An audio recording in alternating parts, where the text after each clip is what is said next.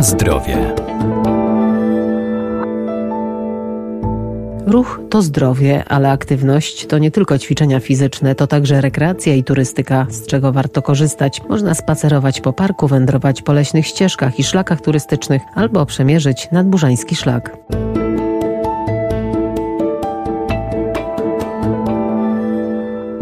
Turystyka to forma czynnego wypoczynku, który jest połączony z poznawaniem różnych miejsc oraz elementami sportu. To także zjawisko społeczne polegające na podróżowaniu w celach poznawczych, a istotnym motywem turystyki jest rozwój osobowości człowieka. Jest to takie połączenie aktywności fizycznej z bardzo intensywnym poznawaniem. Właściwie tych obiektów, które można poznawać w ramach turystyki jest tak mnóstwo, że właściwie można by się specjalizować, jakie dziedziny nas interesują. Prezes oddziału PTTK w Chełmie Zbigniew Lubaszewski. Bo to i oczywiście środowisko przyrodnicze, to oczywiście jakieś miejsca związane z historią, to oczywiście jakieś obiekty zabytkowe, obiekty archeologiczne, etnograficzne. W zasadzie turysta interesuje się wszystkim i robi to po to, żeby wiedzieć więcej, żeby bardziej się czuć związanym z jakimś określonym miejscem. Turystyka to bardzo bogata dziedzina y, życia, bo można tą turystykę uprawiać w bardzo różnorodny sposób.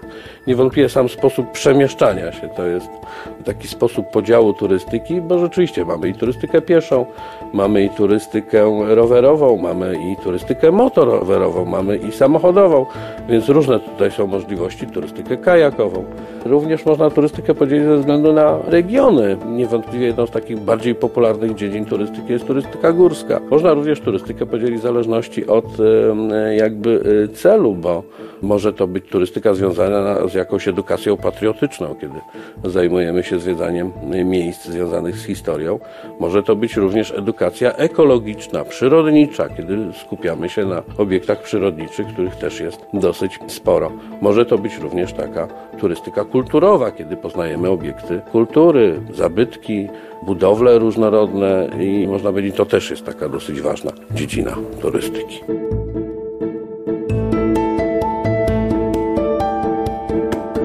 Na zdrowie. Miłośnicy turystyki pieszej czy rowerowej z pewnością znajdą coś dla siebie wędrując szlakiem nadburzańskim, który przebiega przez kilka powiatów wzdłuż doliny rzeki Bóg. Można wyruszyć z Chrubieszowa, miasteczko, które oferuje mnóstwo interesujących obiektów, bo i kościół rzymskokatolicki i przepiękna cerkiew prawosławna. Następnie możemy się przemieszczać lasami strzeleckimi. To jest kompleks niezwykle interesujący. W centrum znajduje się dawny pałac myśliwski w Maziarni Strzeleckiej. Później możemy dotrzeć dotrzeć do Dubienki. Też kilka ciekawych obiektów się tam znajduje. Tuż za Dubienką możemy zwiedzić kopiec Kościuszki w Uchańce. Bardzo ciekawą pamiątkę po bitwie stoczonej w okresie wojny polsko-rosyjskiej w obronie Konstytucji 3 maja. Dalej, przemieszczając się tym szlakiem, możemy dotrzeć do Husynnego, gdzie mamy ciekawy obiekt podworski, piękny dosyć park. Nieopodal znajduje się zalew w Husynnem, też niezwykle interesujący pod względem przyrodniczym. Następnie docieramy do Dorochuska,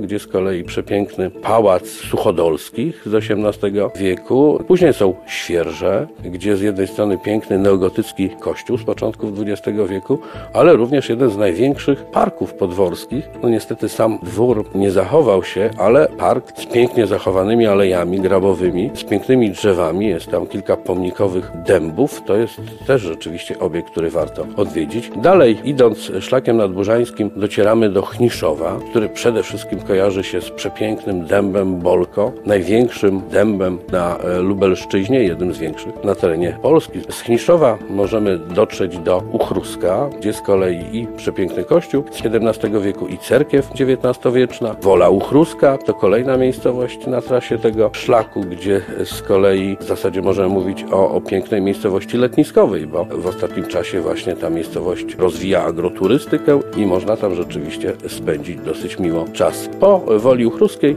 już docieramy do potężnego kompleksu lasów sobiborskich, gdzie jest kilka ciekawych obiektów przyrodniczych. Sobiborski Park Krajobrazowy, kilka rezerwatów, m.in. słynny rezerwat Żółwiowe Błota, bo zwykle tutaj się podkreśla, że właśnie w lasach sobiborskich znajduje się największe skupisko żółwia błotnego tutaj w okolicy. No i po lasach sobiborskich docieramy do Orchówka, gdzie też przepiękny kościół XVIII-wieczny. No i wreszcie Włodawa. Włodawa, miasto trzech kultur, gdzie zachował się w zasadzie ten taki kształt dosyć charakterystyczny takiego małego miasteczka, gdzie ciągle jest i cerkiew prawosławna, pięknie zachowana synagoga, no i oczywiście przepiękny kościół świętego Ludwika XVIII-wieczny.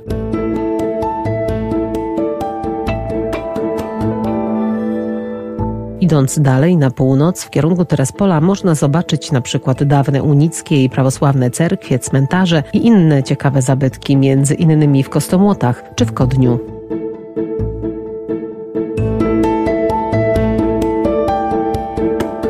Na zdrowie.